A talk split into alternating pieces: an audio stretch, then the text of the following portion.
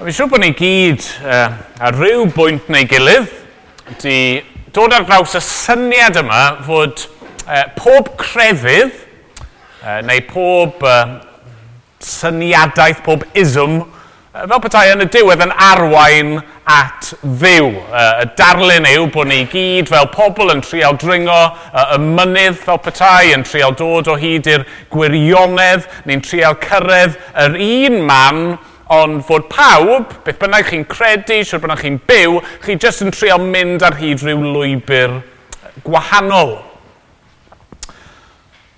Ac wrth gwrs, e, i ni fel Cresnogion yn gwrthod y syniad yna yn gyfan gwbl. Mae'r arglwydd Iesu Gris yn dweud yn hollol blaen my fi yw'r ffordd. A'r gwirionedd, a'r bywyd, nid oes neb yn dod at y tad ond trwy o fi. A Iesu fyna'n gwneud honiad enfawr. Uh, Mae'n dweud fyna'n hollol glir na, mae ma, ma yna y fath beth a gwirionedd absolute. Uh, dyw pawb ddim yn gallu bod yn iawn, uh, dos yna ddim cant a mil o opsiynau, dim ond un ffordd sydd at ddiw sef trwy o fi, medd Iesu Grist. Uh, y ffordd i fi yn ei agor trwy fy, fy ngwaed i. Mae pob llwybr arall yn anghywir. Mae pob llwybr arall yn arwain i ddistryw. Ond wedi dweud hynny, mae'r syniad neu'r darlun yma o ddringo mynydd i gwrdd â Dyw yn un ddigon beiblaidd. E, ni'n gweld ar nifer o adegau yn y Beibl, e, pobl yn, yn gwneud hynny, yr union beth yma. E, maen nhw'n esgyn yn dringo, yn mynd i fyny rhyw bryn neu mynydd ac yn cael y profiad yna o gwrdd a Dyw. Ac wrth gwrs, dyna i ni wedi weld yn amlwg iawn yn ein darlleniad ni yn yr Exodus. Pobl yn mynd i fyny ac yn cwrdd â Dyw. A felly'r cwestiwn fi eisiau ni holi, yn benna falle ni fel Cresnogion, beth ni'n disgwyl gweld ar y top? O'n i'n gofyn y cwestiwn i'r plant yn dod ni, a chymod wrth gyrraedd y brig, mynd trwy'r cwmwl i ben y mynydd, cwrdd a dew. Beth, beth sy'n dod nesaf? be byddwch chi'n disgwyl i ddigwydd nesaf. Wel, dyna lle ni'n mynd i uh, orffen, ond cyn cyrraedd y top, ni'n gorfod dechrau ar y gweilod o'n dini. A felly, i ddechrau, ni'n mynd i feddwl am y cyfamod. Achos mewn ffordd, uh, yn Exodus, uh, y cyfamod yw base camp uh, ar droed y mynydd yn llythrenol yn dyfe. Mae'r Israeliad wrth droed mynydd Seinau. Mae Dyw wedi achub nhw, maen nhw wedi dod allan o'r aifft, ond nawr maen nhw wedi gwersylla wrth weilod y mynydd. A, a be mae Dyw yn gwneud uh, iddyn nhw uh, yw gwneud cyfamod, uh, cytundeb.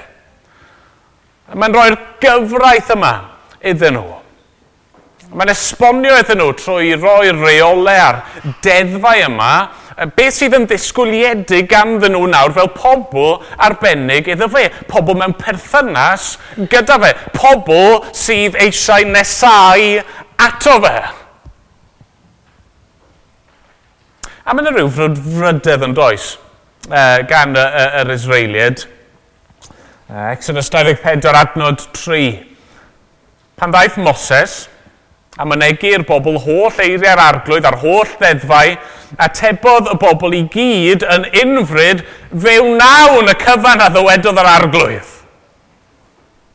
Ac yn adnod uh, well, 78, cymerodd lyfr y cyfamod ac ar ôl iddo i ddarllen yn gliw'r bobl, dywedasan fewn nawn y cyfan a ddywedodd yr arglwydd a byddwn yn ifydd iddo.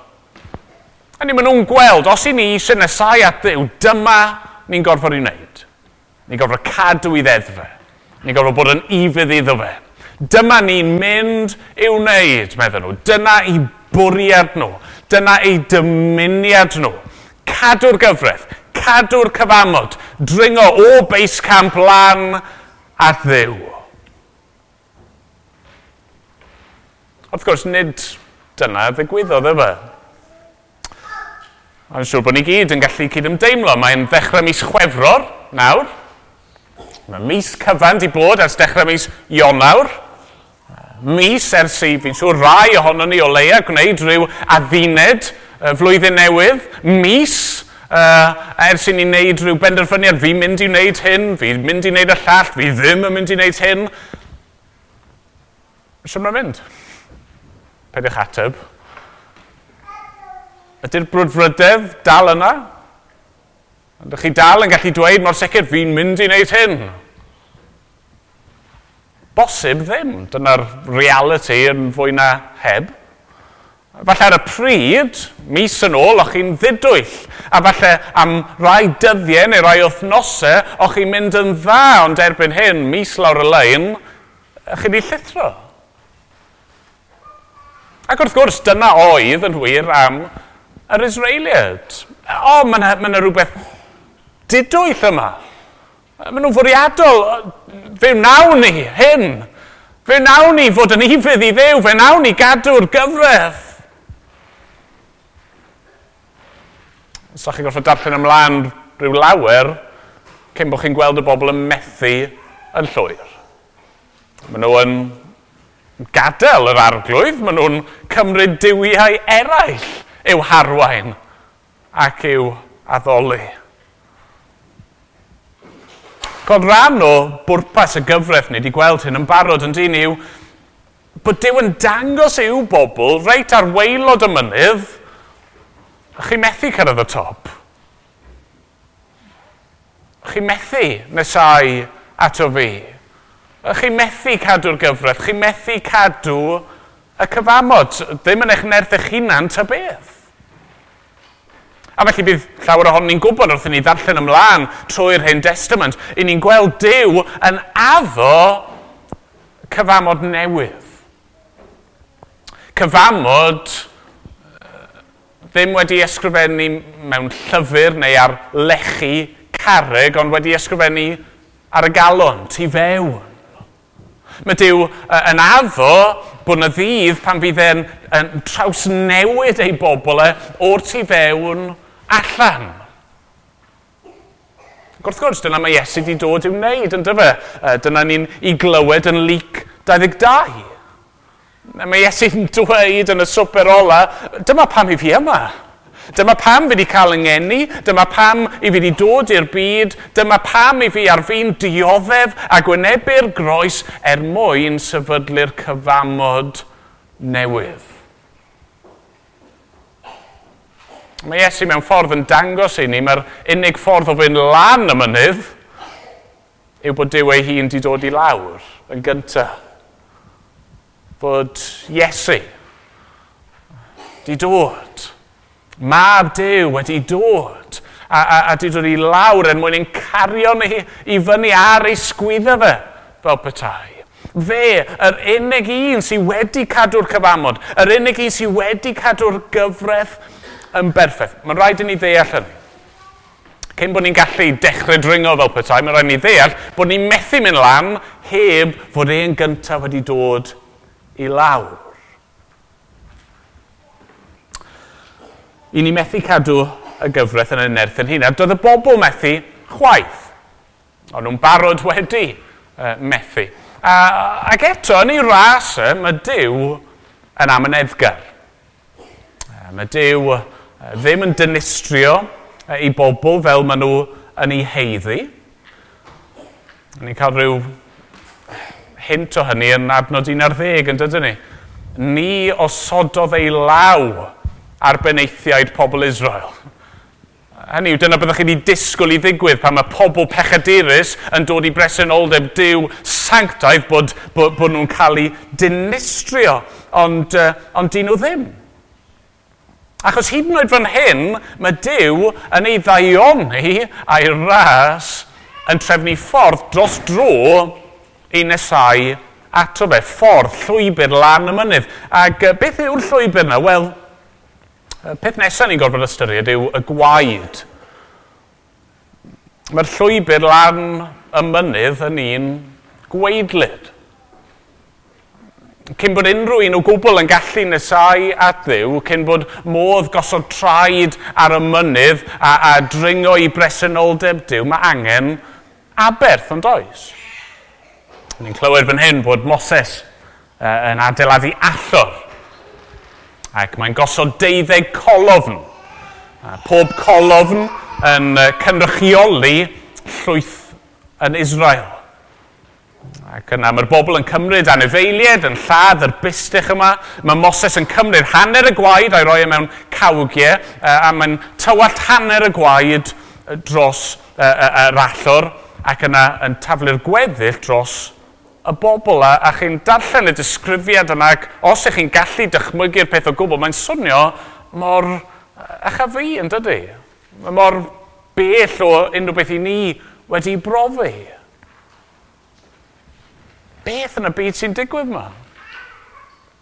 Wel, yn y Beibl, wrth gwrs, mae, mae gwaed yn symbol o fywyd.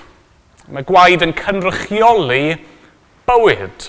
Mae bywyd rhywbeth neu rhywun yn y gwaed. A felly beth sy'n digwydd fan hyn? Wel, mae yna ddau beth mewn ffordd yn does. Ni'n gweld gyntaf i gyd beth yw cynlyniad torri cyfraith Dyw sef marwolaeth. Pan mae cyfraith Dyw, cyfamod Dyw yn cael ei dorri, canlyniad hynny yw marwolaeth. Mae bywyd yn gorfod cael ei roi, yn gorfod cael ei dalu, mae gwaed yn gorfod cael ei dywallt. Dyna'r unig gosb cyfiawn am bechod. Ond ni'n gweld fan hyn hefyd fod y gwaed yma sydd wedi cael ei dywat yn gorchuddio y bobl yn dydy. Uh, mae ma, ma rhywbeth di marw, ond nid y pechaduriad ei hunan. Mae yna anifeiliad di marw, a nawr mae gwaed nhw yn cael ei roi i dywallt dros y bobl. Mae'n ddarlun trawiadol ac eto, i ni methu osgoi ni, mae rhywbeth dros dro sydd fan hyn. Mae'n rhaid oedd yr Israeliad yn gweld cymaint o hynny. Sut gall anifail cymryd lle person? Dwi ddim yn deg rhywsut ydy e. Pan o'n i yn yr ysgol, o'n i'n hoffi swapio pethau. O'n i'n siŵr bod plant dal yn swapio pethau yn yr ysgol. O'n i, on i weithiau yn swapio brechdanau. Felly, os dos ni gyfadda hynny. Os oedd gen i rhyw frechdan, ac oedd gan rhywun arall brechdan, ac o'n i'n hoffi brechdanau'n gilydd, o'n i'n swapio. Uh, neu byddwn ni'n swopio stickers. Stickers pildroed neu pa bynnag stickers o'n i'n casglu ar y pryd neu pogs neu beth bynnag oedd yr ffad ar y pryd rhaid ddim yn hyn yn gwybod beth yw pogs i chi. O'ch chi'n swopio nhw. Roi un am un. Neu llon llaw am lon llaw neu beth bynnag. Ond oedd y swap yn gorfod bod yn un teg. Hynny, os ydych chi sticker shiny, oedd rhaid cael sticker shiny yn ei lefe. Dyw bellach am berson ddim yn deg. Dyw ddim yn swap iawn ydy e. Dyw oen am berson ddim yn swap iawn. Dyw unrhyw anifail am berson ddim yn deg. Ac os i ni fel pobl, mae yna ma rhyw werth yn perthyn i ni. Mae yna urfas a statws arbennig gennym ni fel pobl wedi'n creu ar-lun a delw Dyw. O, ydyn ni wedi methu, ni wedi pechu, ni wedi syrthio yn, yn, isel iawn o le oedden ni. O, i ni'n bechaduried sydd yn heiddi cosb Dyw, ac eto ar yr un pryd y ddynoliaeth dal i fod yw pinnacle y greadigedd. Rhywbeth dros dro oedd hyn yn unig. Y llwybr gweidlyd yma lan mynydd Seinau, rhywbeth dros dro nes y bydde Dyw yn anfon ei fab ei hun. Sylwch eto, dyna beth mae Iesu'n dweud yn dyfen, Lyc 22. Dyma y cyfamod newydd yn fy ngwaed i. Yn fy ngwaed i, nid anifail sy'n cael ei ladd fan hyn. Ond y dew ddyn,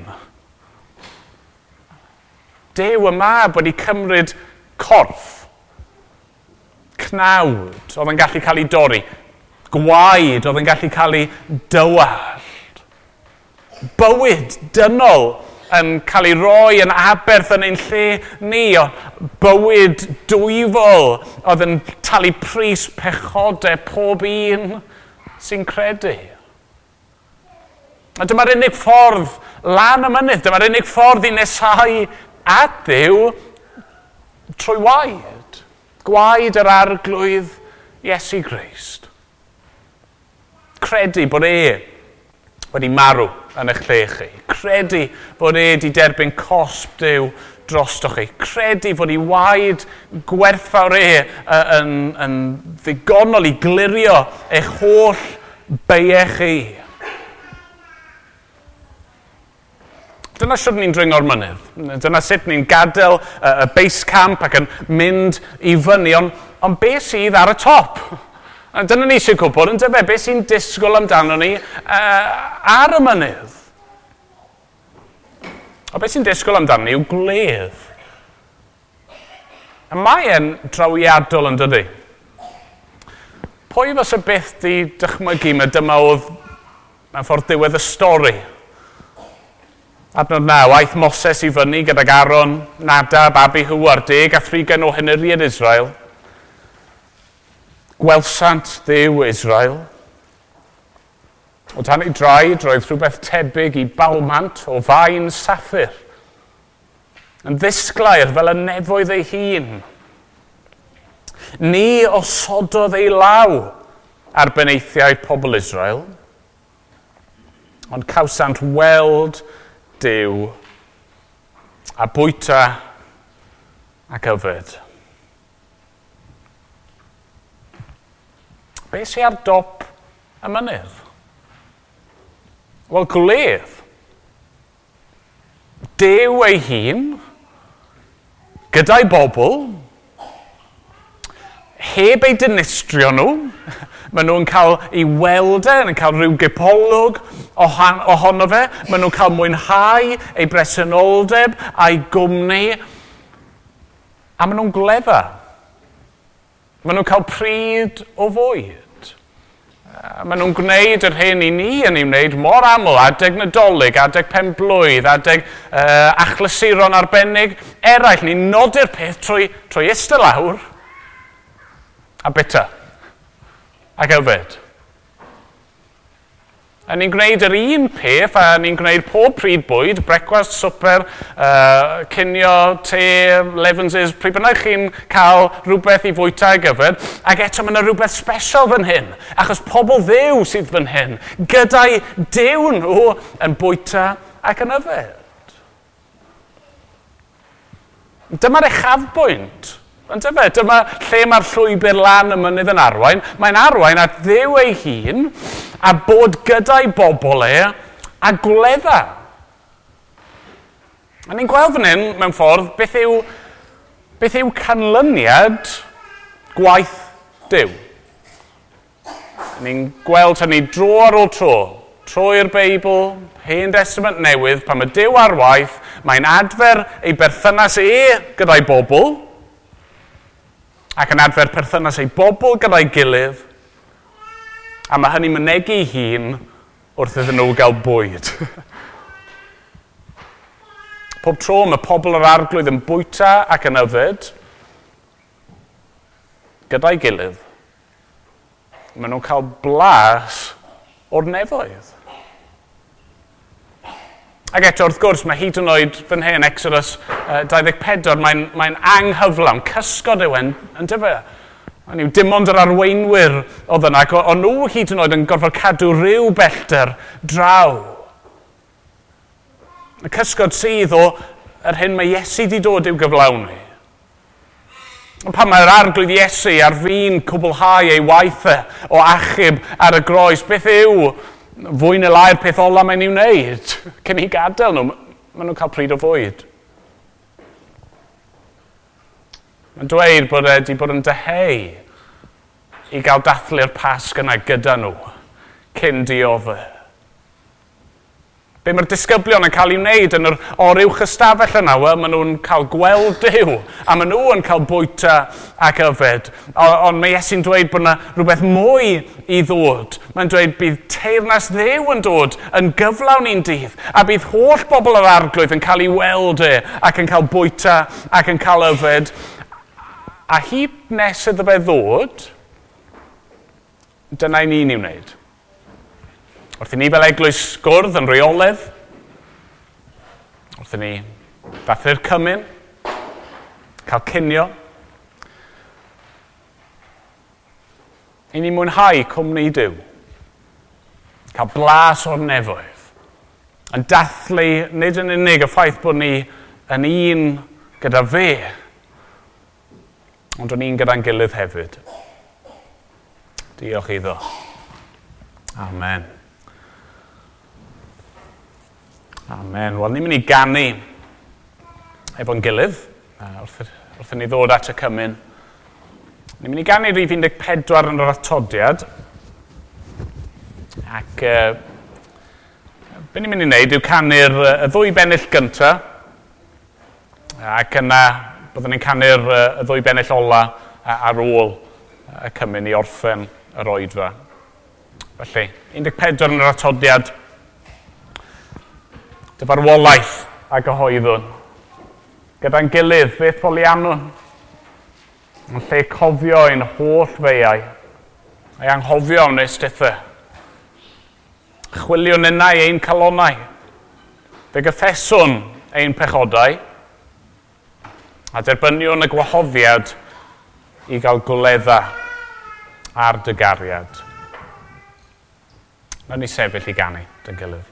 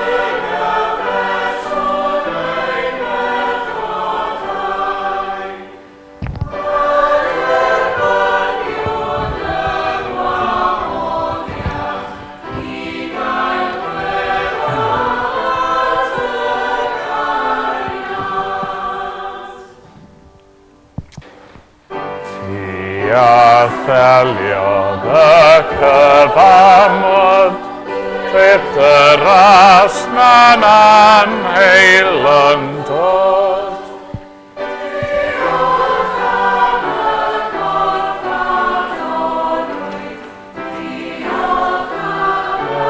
Quae dago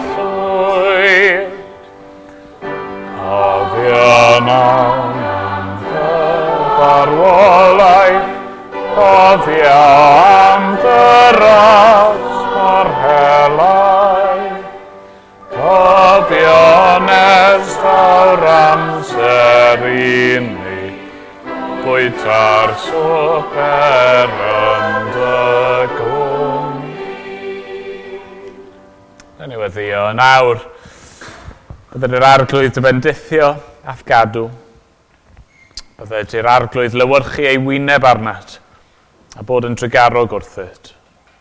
Bydde di'r arglwydd edrych arnat a roi ti heddwch. Arglwydd derbyn ni yn ddiolchgar yn heiddiant yr arglwydd Iesu. Amen.